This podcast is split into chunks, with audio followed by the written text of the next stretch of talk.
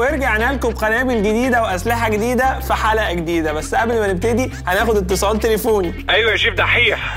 يا أهلا يا أهلا أنا متابع حضرتك من زمان جدا من أيام حلقة ال TNT أيوه إيه الأخبار؟ عملت إيه؟ آه الحمد لله وانفجرت فينا وكنا مبسوطين جدا. بالهنا والشفا يا حبيب قلبي. لو سمحت يا شيف كنت عايز أعرف طريقة عمل القنبلة النووية. القنبلة النووية في طريقتين لعمل القنبلة النووية. في ال fusion بنحشي الذرة وفي ال fission بنقطع الذرة طرنشات الكنترول بيبلغني دلوقتي إن القنبلة جاهزة عشان نشيلها. هنروح فاصل ويا رب نواصل إن شاء الله. نرجع لكم بالسلامة بإذن الله. مع السلامة.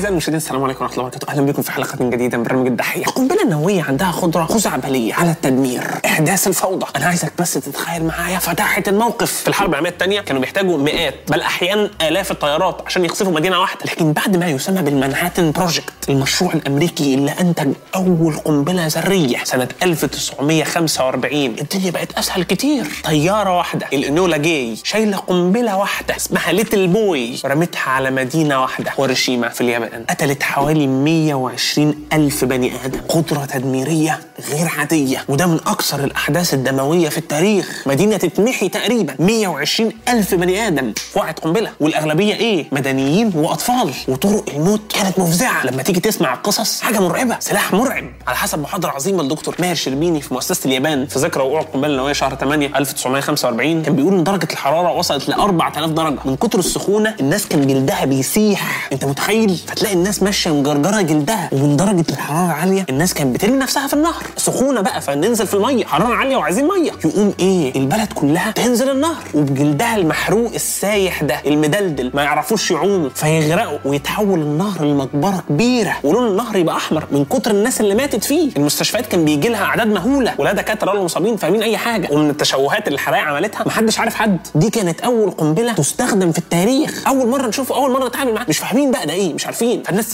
تفتكر إن ممكن يبقى فيه مرض معدي. إيه ده؟ ما بتجيب أمراض معدية؟ بتعمل إيه دي؟ محدش فاهم حاجة لسه أول مرة. حتى الناس من كتر ما هي خايفة بعد القنبلة بسنين كان الناس اللي جات لهم أي تشوهات من القنبلة كانوا مثلا ما بيتجوزوش. الناس كانت خايفة منهم خايفين يطلع عندهم حاجة معدية ولا حاجة ولا حاجة جينية توصل لأولادهم. فيعني كانت مأساة. الجميل الحقيقة إنه بعد الحرب اليابان عملت متحف اسمه متحف السلام في هيروشيما وفي بقى كل آثار الحرب. متخيل؟ يبقى عندك هذا المتحف كمواطن ياباني تخش هذا المتحف وتلاقي هذا السعر وهذا الرعب. الحقيقة قصة القنبله النوويه دي قصة مروعه جدا. إحنا هنا اتكلمنا عن مدينة واحدة هيروشيما بس. النهارده تسع دول في العالم تمتلك قنابل نوويه وثلاث أرباعهم ما بيطوش بعض. أمريكا مثلا وكوريا الشمالية إنجلترا فرنسا وروسيا باكستان والهند في الصين في إسرائيل. بس إسرائيل ما بتقولش ان عندها. يعني أنا بعرف أنا كده لوحدي. عماد قال لي واحد صاحبي يعني. كل ما حد يسأل إسرائيل لا بتأكد ولا بتنفي. تعمل نفسها من بنها. مش فاهم السؤال. وات بس إحنا عارفين يعني. عندها بتعمل قنبلة نووية. فأنت حضرتك تحت رحمة القادة دول مجموعة الدول دي. فاحذر يا شاطر. ما تتخانقش معاهم بقى. أو لما تتخانق معاهم خد واحد زميلك في جنبك كده. عشان إيه؟ يأمن. لكن لو فكرت فيها تلاقي إن الحكاية مرعبة شوية. يعني مثلا في حاجة مشهورة بال nuclear football. دي شنطة تقريبا 20 كيلو بيشيلها عسكري ويفضل دايما العسكري ده قريب من رئيس الولايات المتحدة الأمريكية. والرئيس من خلال الزرار اللي في الشنطة يقدر منه خلال دقائق يطلق صواريخ نووية من غير ما يستشير حد. على فكرة الكلام ده بجد. جو بايدن كان قلش مرة عليها. طبعا تاني هي ليست بهذه البساطة ولكن نوسع خيالنا ن assume the العالم النهارده فيه تقريبا 15000 سلاح نووي. 95% من هذه الأسلحة بين روسيا وأمريكا. طبعا أنت في مخيلتك القنبلة النووية دي هي القنبلة اللي وقعت على هيروشيما وناجازاكي. قنبلة ممكن تقتل لها 120 ألف بني آدم. أنت قديم قوي. أنت قديم. الكلام ده من سنة 1945 العالم بيتطور بيجري. في حاجات أقوى من كده بكتير. في ال hydrogen bomb أو اللي هي ال thermonuclear bomb زي ال B83 الأمريكاني. ما تعرفهاش. أنا أعرفها. طبعا تقول لي أنت بتتاجر في السلاح ولا إيه؟ أقول له لو بتاجر في السلاح بتاجر في القنابل النووية. كان زمان مش موجود هنا. طبعا يا أستاذ. ال B83 أقوى من قنبلة هيروشيما 80 مرة. وسنة 1954 الولايات المتحدة عملت قنبلة أقوى من قنبله هيروشيما 1000 مرة 1000 مرة. طبعا تقول لي أكيد يا نهار أبيض دي أكيد دي أكبر حاجة. أقول له لسه أهدى عليا شوية. في war في cold war في حرب باردة شغالة. أنا هسفر راجل الفضاء أنا هسفره القمر. أنا هعمل قنبلة أقوى من القنبلة النووية بتاعت هيروشيما ب 1000 مرة؟ لا.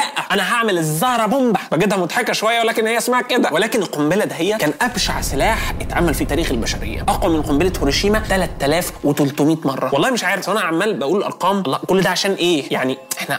بنعلي على بعض في الأسلحة بنعلي على بعض هنقتل قد إيه؟ عشان إيه كل ده؟ وبعدين تيجي تبص على الترسانة اللي كانت مع الاثنين الترسانة النووية اللي كانت مع الاثنين خلال الحرب العالمية الباردة ممكن توصل ل 60 70 ألف صاروخ نووي. نعمل بيهم إيه دول؟ ده, ده إحنا إيه نولع الكوكب نعمله بقى نشويه. في إيه؟ ما نحترم نفسنا عشان كده الدولتين دول بالذات لو قامت بينهم حرب نووية الإنسانية تنتهي. خلاص ما عادش. حضرتك مش هتبقى موجود any more وعشان إيه؟ عشان حاجة أنت مالكش دعوة بيها. اللي هو وأنا مالي يا لمبي هو كده. kidding me طبعا واحد يقول لي ما تأفرش في الموضوع يعني. الكلام ده ما يخوفش قوي في النهاية الدول النووية دي عندها مخ. هم مش عايزين يدمروا العالم. هم بس عندهم الأسلحة يهوشوا بيها. mutually assured destruction هتعورني اعورك هلخبط لك منظرك فكده. يعني أنت معاك نووي أنا برضو معايا نووي نزل رجلك تحت. كده. محدش يمد إيده على التاني ونلم الدور كده. لا ماشي. وبعدين لو أنت فاكر إن الدول النووية مش مستعدة تحارب بعضها لا يا حبيبي فكر تاني. في دول نووية مستعدة جدا إنها تحارب بعضها. دول زي الهند وباكستان بيحصل تقريبا ما بينهم مناوشات شبه يومية. جايز جدا الصراع بينهم يتحول لصراع نووي ودول اتنين معلش يعني من أضعف الدول النووية. مع احترامي ليهم يعني. مع ذلك لو دخلوا حرب واستخدموا نص الترسانة النووية بتاعتهم نص بس يعني نص في المية من الأسلحة النووية في العالم. نص. حاجة لا تذكر يعني. من 20 ل 30 مليون بني آدم هيموتوا في أول أسبوع. هيموتوا من انفجار وحرايق وإشعاع. شفت الأرقام؟ أنت شفت الأرقام تت... فجأة كده وسع بتتكلم في 120 ألف وكنا زعلانين عليهم وشايفين المشكلة كبيرة. يا نهار أبيض حاجة مرعبة. وناس عمالة جلدها بيسيح وناس عمالة بتموت. وإيه؟ ده نص الترسانة. نص. percent اللي موجود في العالم 200 مرة النص في المية ده. وده ال 20 30 مليون. اضرب 20 30 مليون في 200 يديك عدد البشر اللي ممكن يموتوا. طبعا واحد يقول لي يا عم دي دول في آسيا بعيد عننا. إحنا إحنا قاعدين في أفريقيا. لو إحنا قاعدين في مصر مش عايز والله أقول يا فرحة الست الحاجة بيك. ولكن هتموت collateral damage الان روبوك ولوك اومان عملوا simulation محاكاة وقدروا يتنبؤوا بانتشار الدخان نتيجة لحرب نووية بين الهند وباكستان. في الدخان والهند وباكستان بس الحته دي. خلال أسبوعين بس الدخان ده هيغطي الأرض كلها هيكون طبقة على ارتفاع 80 كيلو فوق سطح الأرض. هتفضل كده لمدة 10 سنين تحجب الشمس. بص أنت كنت متخيل الحكاية نطت من 120000 ل 20 30 مليون؟ فجئت وتوترت. لسه التوتر جاي يا حبيبي. لسه. النتيجه إن درجة حرارة الكوكب قل تقريبا واحد ونص درجة مئوية. ومع البرد وقلة أشعة الشمس الزراعة هتتأثر. المتوقع إن العالم يخسر 40%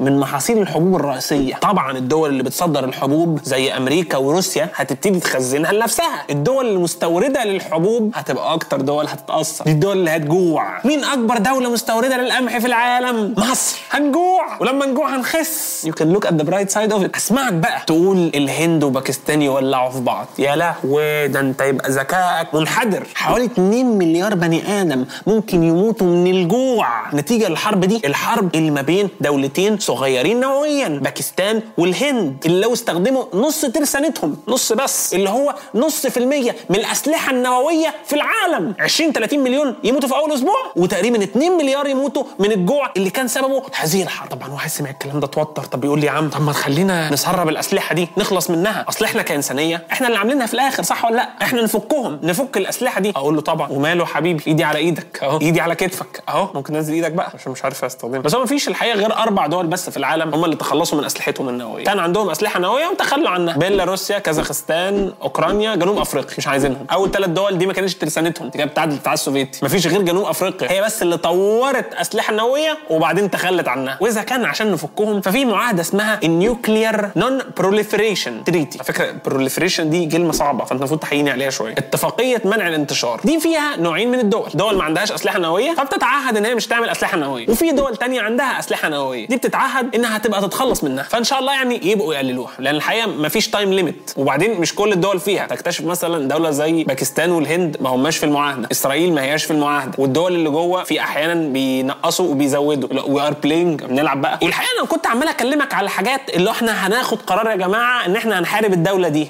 إحنا هناخد قرار هنبقى واعيين وعارفين إن إحنا هنحارب. الكارثة إن ممكن تحصل حرب نووية من غير ما نقصد أو من غير ما نبقى إحنا عايزين نحارب حرب نووية. طبعا واحد يقول لي أنت بتقول أكيد أي كلام دلوقتي. هيبقى أقول لك يا حبيبي الحرب النووية كانت هتحصل خمس مرات قبل كده من غير ما كنا نقصد. الكلام ده في ال 40 سنة اللي فاتوا بس. من غير ما نقصد. إن أمريكا وروسيا كانوا يطلقوا صواريخ نووية على بعض. عشان أمريكا كانت فاكرة إن روسيا بتضربها بصواريخ نووية. وهي ما كانتش بتضربها. أو العكس روسيا فاكرة إن أمريكا بتضربها. وايه في مره أمريكا كانت هتهاجم روسيا. تبتدي حرب نوويه عشان في دبة لعبت في الألارم. ما تسألنيش الحقيقة إزاي لكن واضح إن في دبة تسببت في حاجة كده. على حد المصادر بتاعتك ممكن تنزل تبص بص على المصادر دلوقتي. فالموضوع يعني ممكن يكون أسهل مما تتخيلوا بحاجة بسيطة مش حاجة كبيرة قوي الخلاصة إن من حوالي 70 سنة خلقنا التكنولوجيا واستحوذنا على المعرفة اللي تخلينا ندمر نفسنا. وفعلا استخدمناها وعملنا أدوات تدمير ممكن تقضي على الحضارة الإنسانية تماما. بس هل في يوم هتنتهي الحكاية على إيدينا بسبب أدوات إحنا اللي عملناها؟ الحقيقة إن أنا ما أعرفش. بس ممكن في المستقبل نعرف إن شاء الله. أنا وأنت نقعد كده وإحنا قاعدين على أحد الجزر اللي إحنا اشتريناها نبص كده وبعدين نعرف آه نعرف نتخلص منها أو نعرف ننهي ننهي هذه القنابل المرعبة. ممكن يحصل صح ولا لأ؟ بس أخيرا وليس أخيرا ما تنساش تشوف الحلقات اللي فاتت. تنتظر الأسبوع الجاي تشوف الحلقة الجديدة اللي أنت على اليوتيوب تشترك على القناة وتنزل تبص بص على المصادر. بس أنا أنطلق أنت مش عايز حاجة؟ صح. واحد بيقول لي الله صحيح هو إيه علاقة البيكيني بالموضوع؟ أقول له دي قصة طريفة الحقيقة. جزيرة بيكيني دي اللي اتعمل عليها أول public nuclear test بعدها ال designer بتاع البيكيني سماها على اسمها عشان هو زي الأسلحة النووية. Has explosive and dangerous potential. بس كده شكرا. اشوفكم في حلقة قادمة إن شاء الله.